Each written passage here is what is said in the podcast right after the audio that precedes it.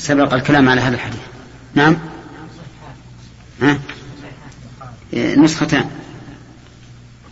نسختان. وحدثنا سعيد. وسبق الكلام عليه. عندي نسختان. الأصل أصحابي النسخة الثانية وصيحابي ها؟ إيش؟ إيه نعم. وحدثنا سعيد بن أبي مريم قال حدثنا محمد بن مطرف قال حدثني أبو حازم عن سهل بن سعد قال قال النبي صلى الله عليه وسلم إني فرضكم على الحوض من مر علي شرب ومن شرب لم يظمأ أبدا ليردن علي أقوام أعرفهم ويعرفوني. إيش؟ ليردن علي أقوام أعرفهم ويعرفوني. ثم يحال بيني وبينهم. قال أبو حازم فسمع فسمعني النعمان بن أبي عياش فقال هكذا سمعت من سهل فقلت نعم فقال أشهد على أبي فقال فقال. فقال فسمعني النعمان فسمعني النعمان فسم فقال قال أبو حازم فسمع فسمعني النعمان بن أبي عياش. فقال هكذا سمعت من سهل. سمعت عندك؟ نعم. عندي سمعت. أي نعم صحيح سمعتها نعم. فقال هكذا سمعت من سهل. فقلت نعم فقال أشهد على أبي سعيد الخدري لسمعته وهو يزيد فيها فأقول إنهم مني فيقال إنك لا تدري ما أحدثوا بعدك فأقول سحقا سحقا لمن غير بعدي. وقال ابن عباس سحقا بعدا يقال سحيق بعيد سحقه وأسحقه أبعده. هذا الحديث كما سبق ذكرنا أن الرافضة استدلوا به على ما ذهبوا إليه من تفسيق أو تكفير الصحابة رضي الله عنهم إلا نفرا يسيرا وتقدم الرد عليهم بأن هؤلاء النفر قليل.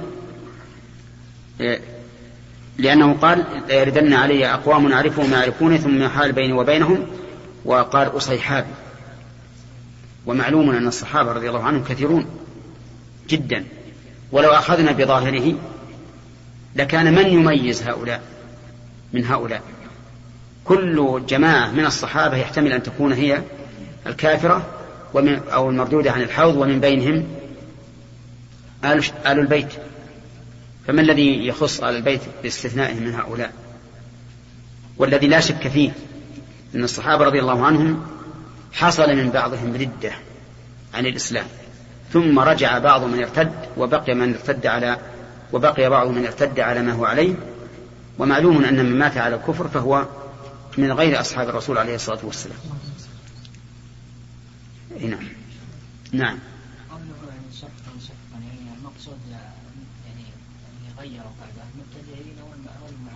لا هؤلاء قوم يعرفهم من الصحابة أنفسهم. يقول يعرفهم ويعرفونني. نعم ما يمكن يكون هؤلاء من المنافقين لعل الله بن وأعوانه لأن قوله ما أحدثه بعدك يدل على أنه بعد والمنافقون كانوا موجودين في عهد الرسول عليه الصلاة والسلام. نعم. إلا الظاهر بقي منهم ناس لا شك. وأنه يكون أصحابه باعتبار الظاهر. نعم.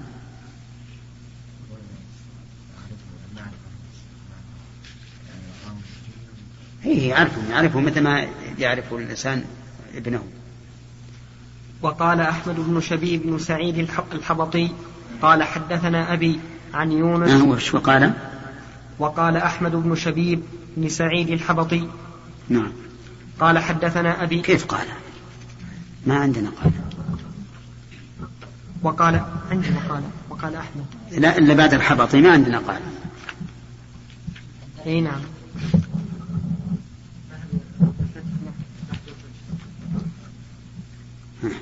وقال وقال أحمد بن شبيب بن سعيد الحبطي نعم. حدثنا أبي. عن ما في إشكال. نعم. أقول ما في إشكال. طيب. لأن قال هي المتسلطة على حدثنا. قال حدثنا. حدثنا أبي عن يونس عن ابن شهاب عن سعيد بن المسيب عن أبي هريرة أنه كان يحدث أن رسول الله صلى الله عليه وسلم قال يرد علي يوم القيامة رهط من أصحابي فيجلون عن الحوض فأقول يا رب أصحابي فيقول إنك لا علم لك بما أحدثوا بعدك إنهم ارتدوا على أدبارهم القهقرا وحدثنا أحمد بن صالح قال الرهط ما بين ثلاثة إلى عشرة قليلا هنا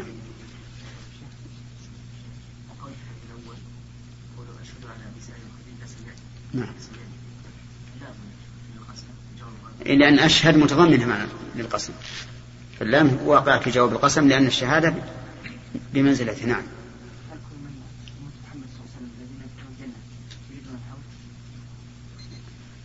الظاهر الظاهر أنهم كلهم يردون الحوض. ولهذا كانت نجومه كنجوم آنيته كنجوم السماء. نعم. كلهم يمرون. كلهم يمرون ويشربون. محتاجون إلى الشرب. خدم لا بقى واحد. بقى واحد؟ نعم. إذا جاءت الحديث هو ضعيف ولا ها؟ صحيح ولا أيهم أحمد بن شبيب كل ما في البخاري فهو صحيح. نعم. في في بحث فيها هنا؟ لا في في القتل إيه. إيه لكن دافع عنها ابن حجر. القهقرة وراء وراء. وراء القهقرة يعني وراء. وحدثنا أحمد بن صالح قال حدثنا ابن وهب. القهقرة ترى. المشي على وراء تسمى قهقرة. وحدثنا أحمد بن صالح قال حدثنا ابن وهب قال أخبرني يونس عن ابن شهاب عن ابن المسيب أنه كان يحدث عن أصحاب النبي صلى الله عليه وسلم أن النبي صلى الله عليه وسلم قال يرد علي الحوض رجال من أصحابي. ف... فيحلؤون. فيحلؤون عنه فأقول يا رب أصحابي. فيقول إنك لا علم لك بما أحدثوا بعدك إنهم ارتدوا على أدبارهم القهقرى وقال شعيب عن الزهري كان أبو هريرة يحدث عن النبي صلى الله عليه وسلم فيجلون وقال عقيل فيحل يحلؤون اللفظ الأول. فيحلؤون. وقال الزبيدي عن الزهري عن محمد بن علي عن عبيد الله بن أبي رافع عن أبي هريرة عن النبي صلى الله عليه وسلم. نعم. وحدثني إبراهيم بن المنذر الحزامي قال حدثنا محمد بن فليح قال حدثنا أبي قال حدثني هلال عن عطاء بن يسار عن أبي هريرة عن النبي صلى الله عليه وسلم قال بين أنا قائم فإذا زمرة حتى إذا عرفتهم خرج رجل من بيني وبينهم فقال نعم. اي نعم. عندنا نسختان. خرج رجل من بيني وبينهم فقال هلم. فقلت أين؟ قال إلى النار. إلى النار والله. فقال إلى النار والله. قلت وما شأنهم؟ قال إنهم ارتدوا بعدك على أدبارهم قهقرا. ثم إذا زمرة حتى إذا عرفتهم خرج رجل من بيني وبينهم فقال هلم. قلت أين؟ قال إلى النار والله. قلت ما شأنهم؟ قال إنهم ارتدوا بعدك على أدبارهم قهقرا فلا أراه يخلص منهم إلا مثل همل النعم. همل. مثل همل النعم. نعم. شوف الحديث هذا شرحه. الفتح. أحسن ما الحين بعد هذا الشيء.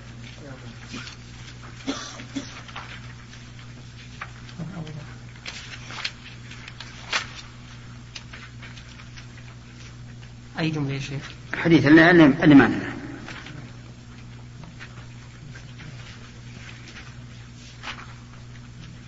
قوله بينما بين أنا نائم كذا بالنون للأكثر والكشميهني قائم بالقاف وهو أوجه والمراد به قيامه على الحوض يوم القيامة. وتوجه, وتوجه الأولى بأنه رأى في المنام في الدنيا توجه الأولى. وتوجه الأولى توجه توجه الأولى يعني النسخة الأولى. وتوجه الأولى بأنه رأى في ما هي الأولى؟ نعم نعم وتوجه الأولى لأنه رأى في المنام في الدنيا ما سيقع له في الآخرة. قوله ثم إذا زمرة حتى إذا عرفتهم خرج رجل من بيني وبينهم فقال هلم. المراد بالرجل الملك الموكل بذلك ولم أقف على اسمه. قوله إنهم ارتدوا القهقرى أي رجعوا إلى خلف ومعنى قولهم رجع القهقرى رجع الرجوع المسمى بهذا الاسم وهو رجوع مخصوص وقيل معناه العدو الشديد. قوله فلا, فلا أراه يخلص منهم إلا مثل همل النعم يعني من هؤلاء الذين دنوا من الحوض وكانوا يريدونه فصدوا عنه.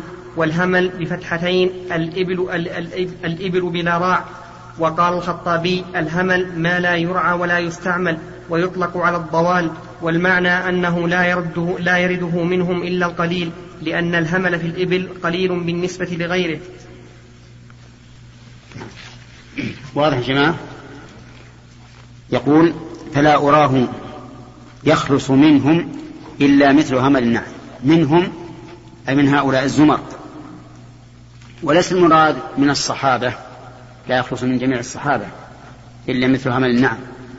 لكن هؤلاء الزمرة تأتي ثم يقول لهم هذا الرجل هلم. فإذا سأل الرسل إلى أين؟ قال إلى النار والله. مثلا شرد واحد منهم أو اثنان أو ما أشبه ذلك من هذه الزمرة ليرد الحوض ومعلوم أن هذا ليس كالدنيا لن يشرد إلا من أذن له بالشرب منه. يعني ليست المسألة تؤخذ بالغلبة هناك وإنما تؤخذ بالتدبير تدبير الله عز وجل المحض. نعم. يرفع يده اللي يتكلم. نعم.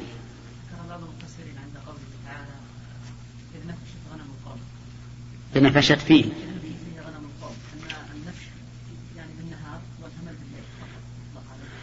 لا الصحيح ما قال ابن حجر إن الهمل الضائع. مطلقا سواء في الليل أو في النهار اللي ما له راعي. وهذا حتى إلى الآن حتى في عرفنا الآن البعير الهمل يعني الضائع اللي ما عنده. ما النفش مع الراعي نفشت فيه غنم قوم يعني رأت فيه. نعم.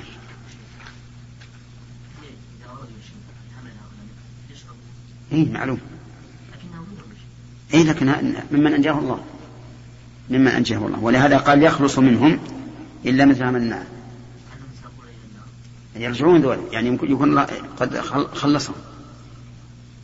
وحدثني إبراهيم بن المنذر قال حدثنا أنس بن عياض عن عبيد الله عن خبيب عن, عن خبيب عن حفص بن عاصم عن أبي هريرة رضي الله عنه أن رسول الله صلى الله عليه وسلم قال ما بين بيتي ومنبري روضة من رياض الجنة ومنبري على حوضي. هذا هو اللفظ الصحيح المتعين. ما بين بيتي ومنبري. وبعض الناس يرويه ما بين قبري ومنبري. وهذا ليس بصحيح. بل هو ما بين بيتي. لأنه حين تكلم به ليس هناك قبر. لم يكن هناك قبر إلا بعد بعد وفاته. لكنه صلى الله عليه وسلم دفن في بيته. دفن في بيته. فما بينه وبين المنبر روضة من رياض الجنة. والمعنى أنه محل عمل صالح. لأن روضات الجنة محل عمل صالح كما جاء في الحديث إن, أن إبراهيم عليه الصلاة والسلام قال للنبي صلى الله عليه وسلم أبلغ أمتك مني السلام أو, أو اقرأ أقرئ أمتك مني السلام وأخبرهم بأن الجنة قيعان وأن غراسها سبحان الله والحمد لله ولا إله إلا الله والله أكبر. فالمعنى أنه حوض أنه روضة من رياض الجنة يعني محل عمل صالح من الصلاة والذكر والقرآن وغير ذلك. وليس معناه أن من كان فيه فهو, فهو في روضة من رياض الجنة. وقوله عليه الصلاة والسلام منبري على حوض. يعني معناه إذا محل الحوض هناك. هذا وجه. الوجه الثاني أن منبره يوم القيامة يجعل على الحوض. ويكون الرسول عليه, عليه الصلاة والسلام قائما عليه فيقوم على منبره هناك كما كان يقوم عليه للبلاغ في الدنيا. وقال عليه الصلاة والسلام في حديث آخر وإني لأرى حوضي الآن لأرى حوضي الآن. وعلى هذا فيكون حوض النبي عليه الصلاة والسلام موجودا لكنه مغيب عن النظر. نعم في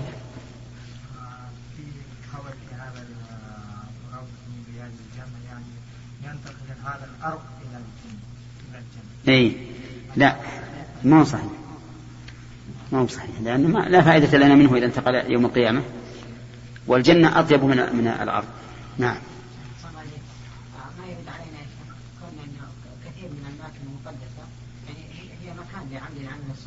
نعم. لا ما في قياس. ب... ب... الفضائل ما فيها قياس. الفضائل ما فيها قياس. نعم.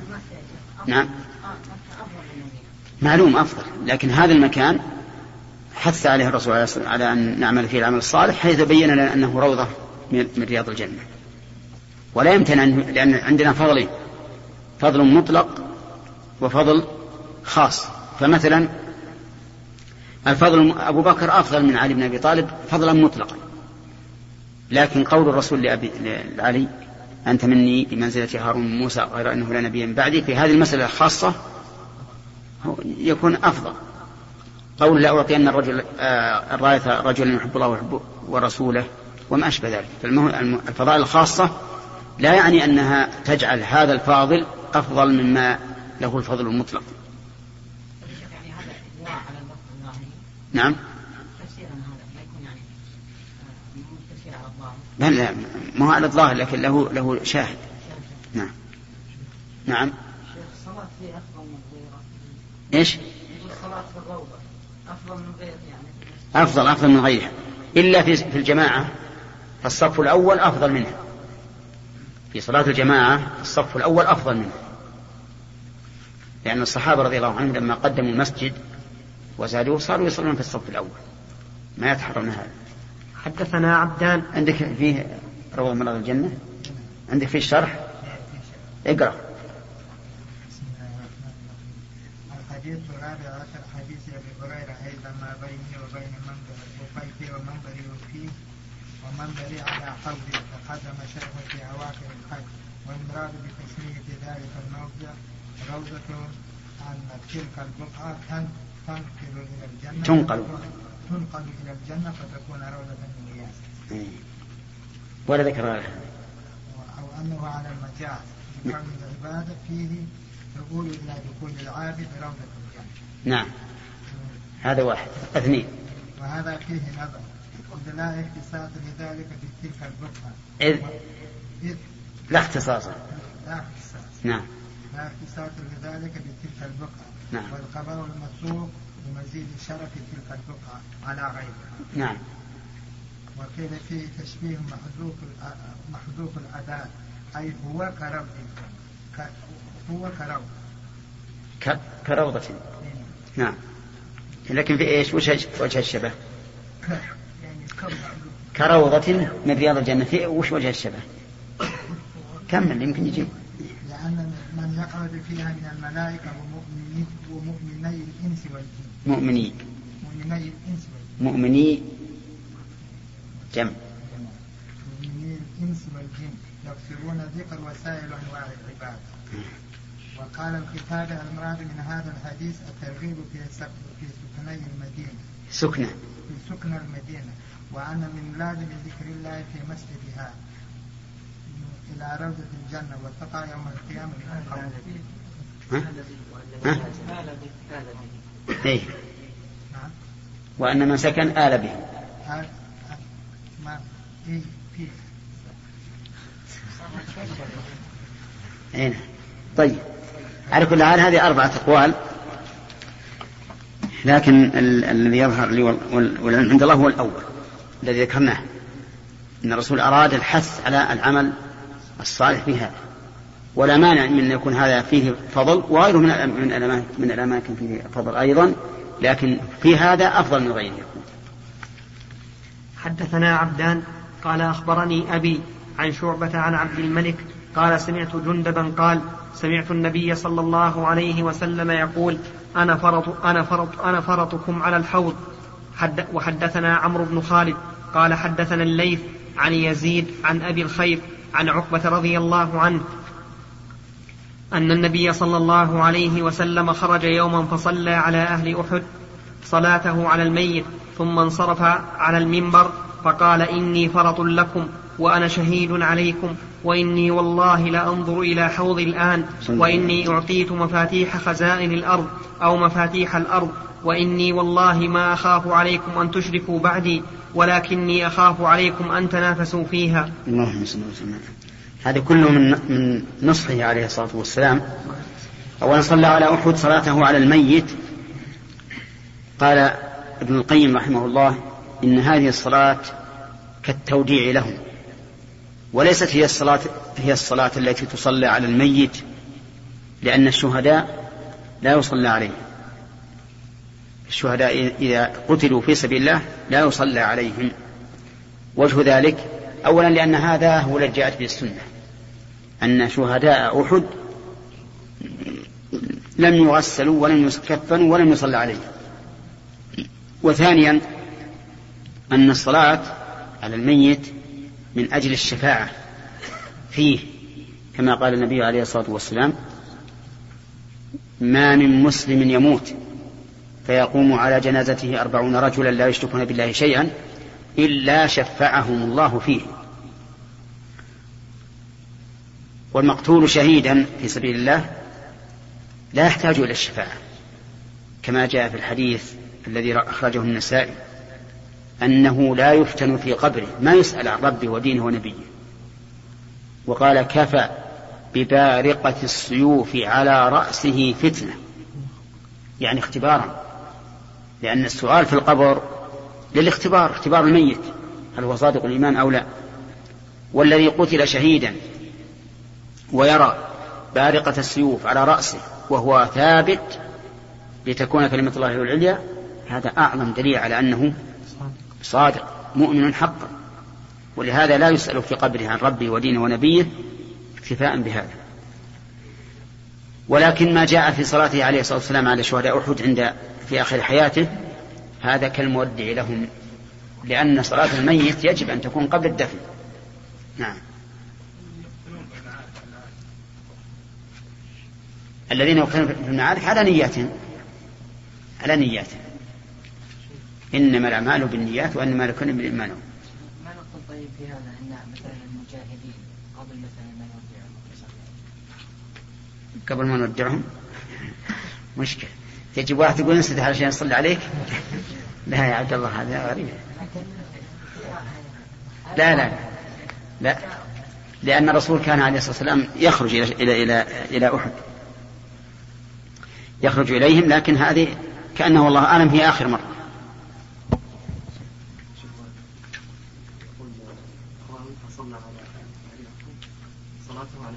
نعم صحيح.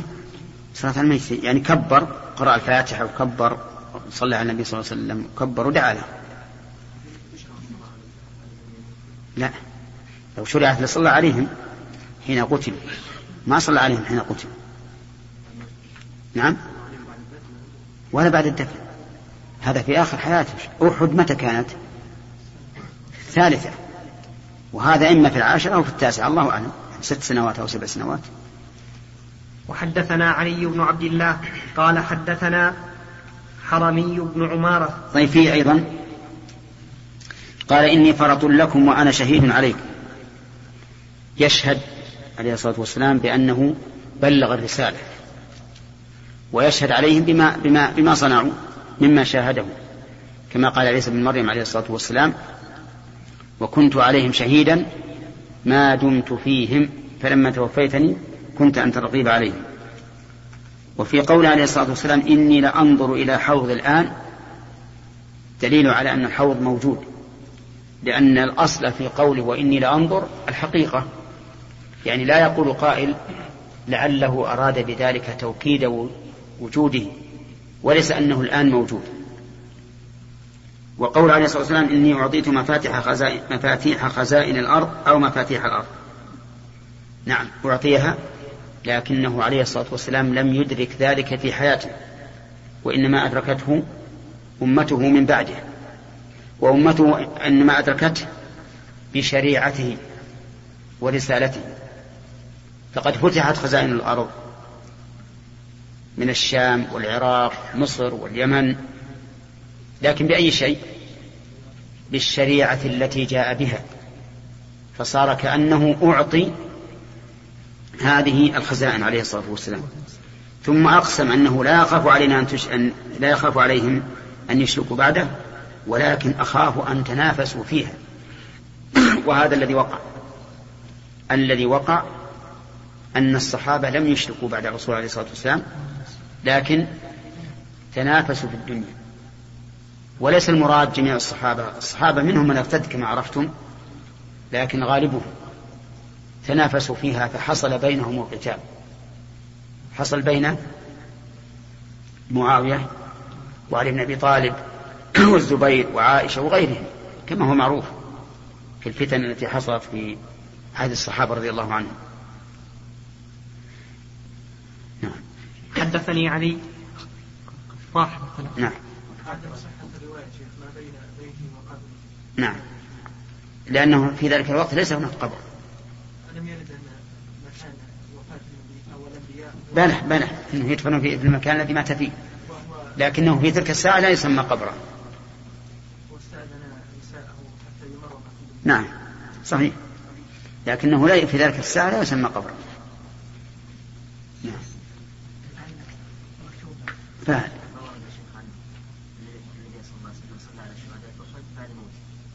إي نعم. هو المراد هذا. بعد موتهم نعم. لا ابدا ما هو صحيح. لأن ثبت في صحيح البخاري أنه لم يصلي عليه. نعم. بين المنبر. إيش؟ مكتوب بين المنبر ومسجد الرسول صلى الله عليه وسلم. هذا الحديث ما بين قبر والمنبر؟ نعم. ها؟ بين بيته. طيب أنا أقترح أنك تروح عند حجاج بكرة إن شاء الله المدينة. تجيب لنا الخبر نعم وحدثنا علي بن نعم. عبد الله.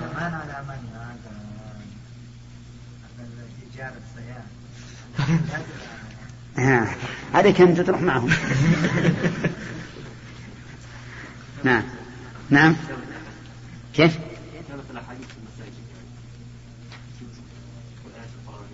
والله على كل حال أن نألف في المسجد النبوي شيء شيء ما هو باختيارنا من زمان من زمان. حدثنا علي بن عبد الله قال حدثنا حرمي بن عمارة قال حدثنا شعبة عن معبد بن خالد أنه سمع حارثة بن وهب يقول سمعت النبي صلى الله عليه وسلم وذكر الحوض فقال كما بين المدينة كما بين المدينة وصنعاء وزاد ابن أبي عدي عن شعبة عن معبد بن خالد. سمع النبي صلى الله عليه و... أنه سمع النبي صلى الله عليه وسلم قوله حوضه ما بين صنعاء والمدينة فقال له المستورد ألم تسمعه؟ قال الأواني؟ قال لا. قال المستورد ترى فيه الآنية مثل الكواكب.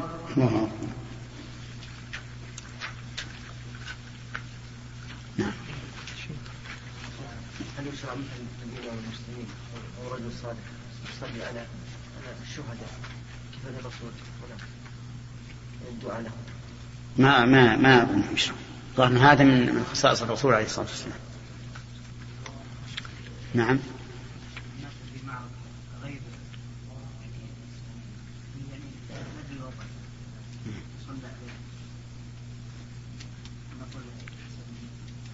أي هذا حسب النية. إذا كان قاتل لتكون كلمة الله العليا فهو في سبيل الله. ما نصلي عليه. الأصل إن شاء الله النية طيبة الأصل والله أعلم. وهذا شيء يرجع بالنسبة للحوادث الحاصلة الحاضرة. هذا شيء يرجع لولاة الأمور. ما ندري على شيء. نقدم الأمر فيه. نعم. شيخ سن الله إليك. تسمية بعض الناس. المكان الذي خلف الإمام روضة. ها؟ أقول تسمية بعض نعم. الناس. المكان الذي خلف الإمام روضة. في عموم المساجد. إي نعم. هذه تسمية عامية. العامة يسمون ما كان خلف الإمام في الصف الأول يسمونه الروضة. هذا لا أصل هذا ما أصل. خلاص. ثلاثة. ثلاثة؟ نعم. حدثنا سعيد بن أبي مريم عن نافع بن عمر قال حدثني أبي قال حدثنا ابن أبي مليكة عن أسماء بنت أبي بكر رضي الله عنهما قالت قال النبي صلى الله عليه وسلم إني على الحوض حتى أنظر من يرد علي منكم. من؟ من؟ حتى أنظر من يرد علي حتى. منكم. حتى أنظر من يرد علي منكم وسيؤخذ ناس وسيؤخذ ناس من دوني. فأقول يا رب مني ومن أمتي. فيقال هل شعرت ما عملوا بعدك؟ والله ما برحوا يرجعون على أعقابهم. فكان ابن أبي مليكة يقول اللهم إنا نعوذ بك أن نرجع على أعقابنا أو نفتن, أو, أو نفتن عن ديننا. أعقابكم تنكصون ترجعون على العقب. آه هذه الأحاديث كما ساقها البخاري رحمه الله يراد بها بيان كثرة الأحاديث الواردة في الحوض. وذكر النبي صلى الله عليه وسلم لهؤلاء القوم الذين يطردون عن حوضه. إنما إنما أراد إنما أراد به صلى الله عليه وسلم التحذير. إنما أراد به التحذير. فكل واحد من الصحابة سوف يخشى ويحذر أن يكون من هؤلاء. فلذلك ذكره والحوض أحاديثه متواترة كما ذكرنا ذلك في البيتين المنشودين. ورؤية شفاعة والحوض. والحوض. طيب. قال رحمه الله بسم الله الرحمن الرحيم. كتاب القدر. حد حدثنا أبو الوليد هشام بن عبد الملك قال حدثنا شعبة قال أنبأني سليمان الأعمش قال سمعت زيد, زيد بن وهب عن عبد الله قال حدثنا رسول الله صلى الله عليه وسلم وهو الصادق المصدوق قال إن أحدكم يجمع في بطن أمه أربعين يوما ثم يكون علقة مثل ذلك ثم يكون مضغة مثل ذلك ثم يبعث الله ملكا فيؤمر بأربع برزقه وأجله وشقي أو سعيد فوالله إن أحدكم أو الرجل يعمل بعمل أهل النار حتى ما يكون بينه وبينها غير باع أو ذراع فيسبق عليه الكتاب فيعمل بعمل أهل الجنة فيدخلها وإن الرجل ليعمل بعمل أهل الجنة حتى ما يكون بينه بينه وبينها غير ذراع أو ذراعين فيسبق عليه الكتاب فيعمل بعمل أهل النار فيدخلها قال آدم إلا ذراع. بسم الله الرحمن الرحيم. قال المؤلف باب القدر. القدر أمره عظيم جدا ويجب على المؤمن أن يعتني به لأنه من أركان الإيمان الستة ولأن فيه مسائل تشكل على بعض الناس. وقد خاض فيها الصحابة رضي الله عنهم فيما بينهم. وناقشوا فيها رسول الله صلى الله عليه وسلم وبينه لهم. وذلك أن الإيمان بالقدر أحد أركان أحد أركان الإيمان الستة. أن تؤمن بالقدر والقدر تقدير الله سبحانه وتعالى لما كان. فالإيمان بالقدر أن تؤمن بأن كل ما كان فهو بتقدير الله عز وجل. فهو بتقدير الله. ولكن هذا التقدير أمر مكتوم لا يعلم إلا بما أعلم الله به عن طريق الوحي أو بما وقع. القدر أمر مكتوم لا يعلم إلا, إلا ما أعلم الله به أو وقع. فمما أعلم الله به ما يكون من أشراط الساعة التي أخبر بها النبي عليه الصلاة والسلام. وكذلك الملاحم والفتن التي تكون آه، قبل ذلك. وأما وأما ما علم بالوقوع فهذا كثير. كل شيء يقع نعلم أنه مقدر. كل شيء. كما قال الله تعالى وكل شيء عنده بمقدار. وقال النبي عليه الصلاة والسلام كل شيء عنده بأجل مسمى. معين لا يتقدم ولا يتأخر ولا يزيد ولا ينقص. والإيمان بالقدر له ثمرات جليلة. أهمها أنه من تمام الرضا بالله ربا لأنك تسلم للقضاء. قدر الله وما شاء فعل. فإذا علم الإنسان أن هذا القدر من الله سلم سلم أمرا لله. وعلم أنه لن يتغير عما وقع شيء إطلاقا. يعني معناه أن ما وقع لا يمكن رفعه. لكن يمكن الدعاء وفعل الأسباب التي تربى على الشيء هذا ممكن. لكن شيء تريد أو أن تتمنى أن ترفعه وقد وقع هذا لا يمكن.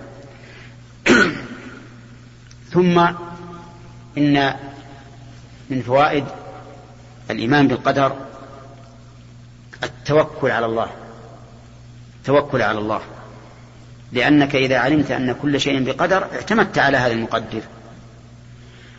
ومن فوائده أي من فوائد الإيمان بالقدر أن لا يستعين الإنسان إلا بربه.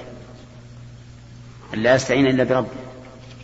فلا يطلب من أحد عونا بل يكون طلبه العون من الله سبحانه وتعالى ولكن لا مانع أن يستعين بغيره فيما يقدر عليه على وجه مشروع. أما أن يستعين بغيره فيما لا يقدر عليه كما لو استعان بميت على قضاء حاجته فهذا شرك. لكن لو استعان بشخص على أن يقضي معه حاجته وهو يقدر عليه فهذا جائز وقد أمر النبي عليه الصلاة والسلام من استعاننا أن نعينه. ثم أعلم أن القدر له مراحل. فالكتابة الأولى في اللوح المحفوظ. والكتابة العمرية آه، السنوية تكون في ليلة القدر. والعمرية تكون عند خلق الجنين كما في حديث ابن مسعود ويأتي إن شاء الله الكلام عليه.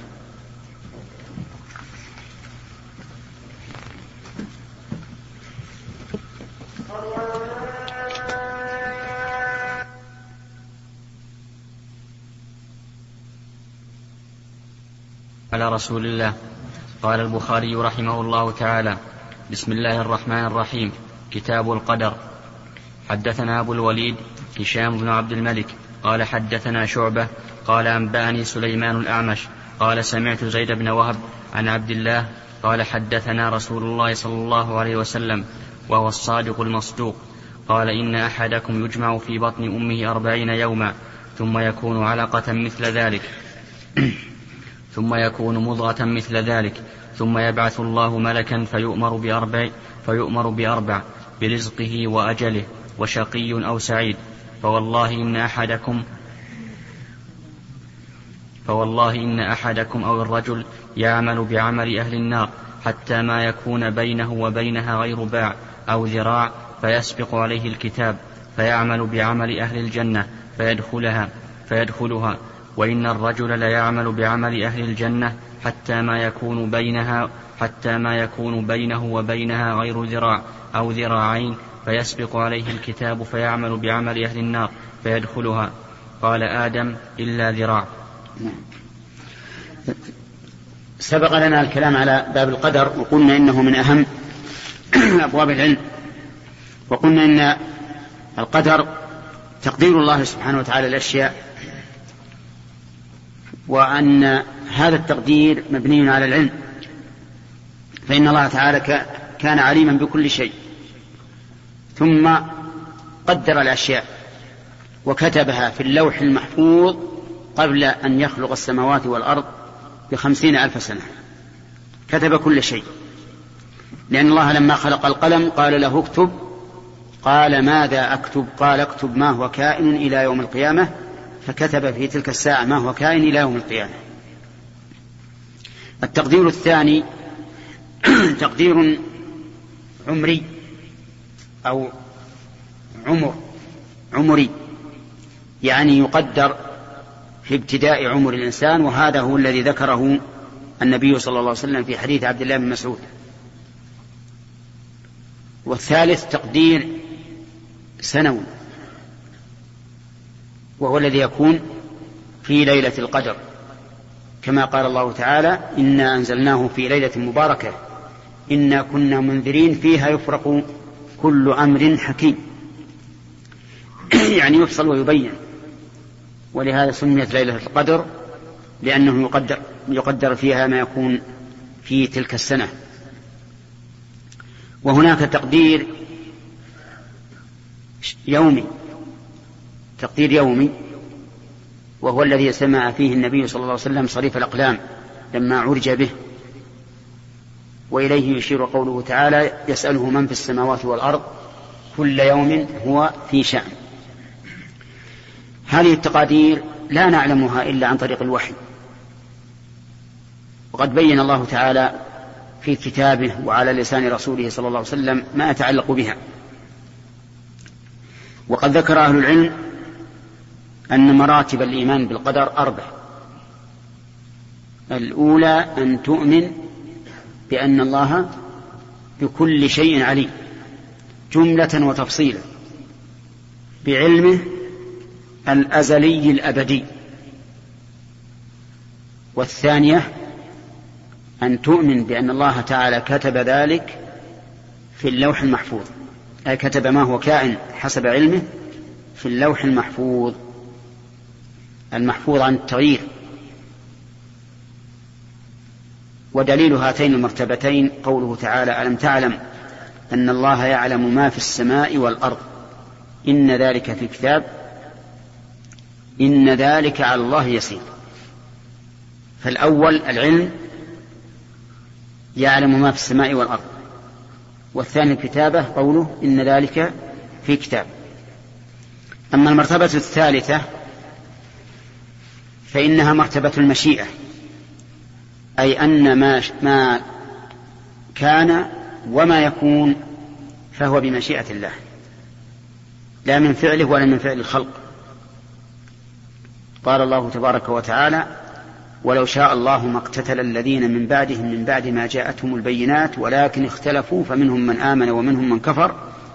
ولو شاء الله ما اقتتلوا هذا بالنسبة لفعل العباد. أما بالنسبة لفعله تعالى فقال ويفعل الله ما يشاء. فالمشيئة هي المرتبة الثالثة في مراتب الإيمان بالقدر أن كل ما حدث ويحدث في الكون فهو بمشيئة الله.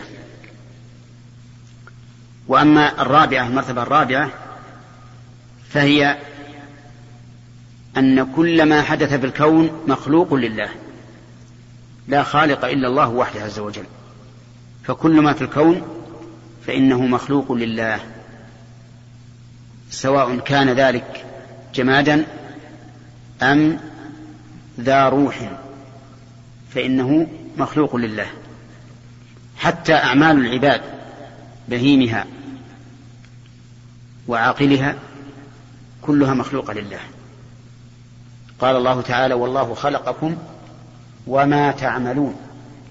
خلقكم وما تعملون. وقوله ما تعملون يحتمل أن تكون ما موصولة. يعني هو الذي تعملونه وأن تكون مصدرية. أي وعملكم. وعلى كلا الوجهين ففيها دليل على أن أعمال العباد مخلوقة لله. أما إذا قلنا إنما مصدرية وأن التقدير خلقكم وعملكم فالأمر فظاهر. وأما إذا قلنا ما اسم موصول وأن المعنى خلقكم ومعمولكم فإن خالق المعمول خالق للعمل. فالإنسان مخلوق وأفعاله مخلوقة. هذه أربعة أشياء. أهل السنة والجماعة يؤمنون بهذه المراتب نعم أهل السنة والجماعة يؤمنون بهذه المراتب الأربع. وأما المعتزلة فإنهم لا يؤمنون بالمرتبتين الأخيرتين وهما المشيئة والخلق لأنهم يقولون إنه لا عموم لمشيئة الله ولا عموم لخلق الله لأن الإنسان مستقل يفعل الشيء بنفسه مستقل يوجد الشيء بنفسه. يوجد الشيء بنفسه وليس لله فيه علاقة. أعطاه الله عقلا وفكرا جعل له الحرية فهو يفعل بمشيئته ويحدث الأفعال بمشيئته وليس لله فيه علاقة. ولهذا سموا مجوس هذه الأمة مجوس. وذلك أنهم جعلوا للحوادث الكونية خالقين كل واحد مستقل عن الآخر. فالآدمي خالق لأفعاله مستقل بها. وأما أفعال الله فهي خلق لله ما مثل كإنزال المطر والليل والنهار وغير ذلك. لكن هذه الدرجة هاتان المرتبتان المشيئة والخلق. قلت لكم إنه أنكرهما من؟ أنكرهما المعتزلة. أنكروا عمومهما.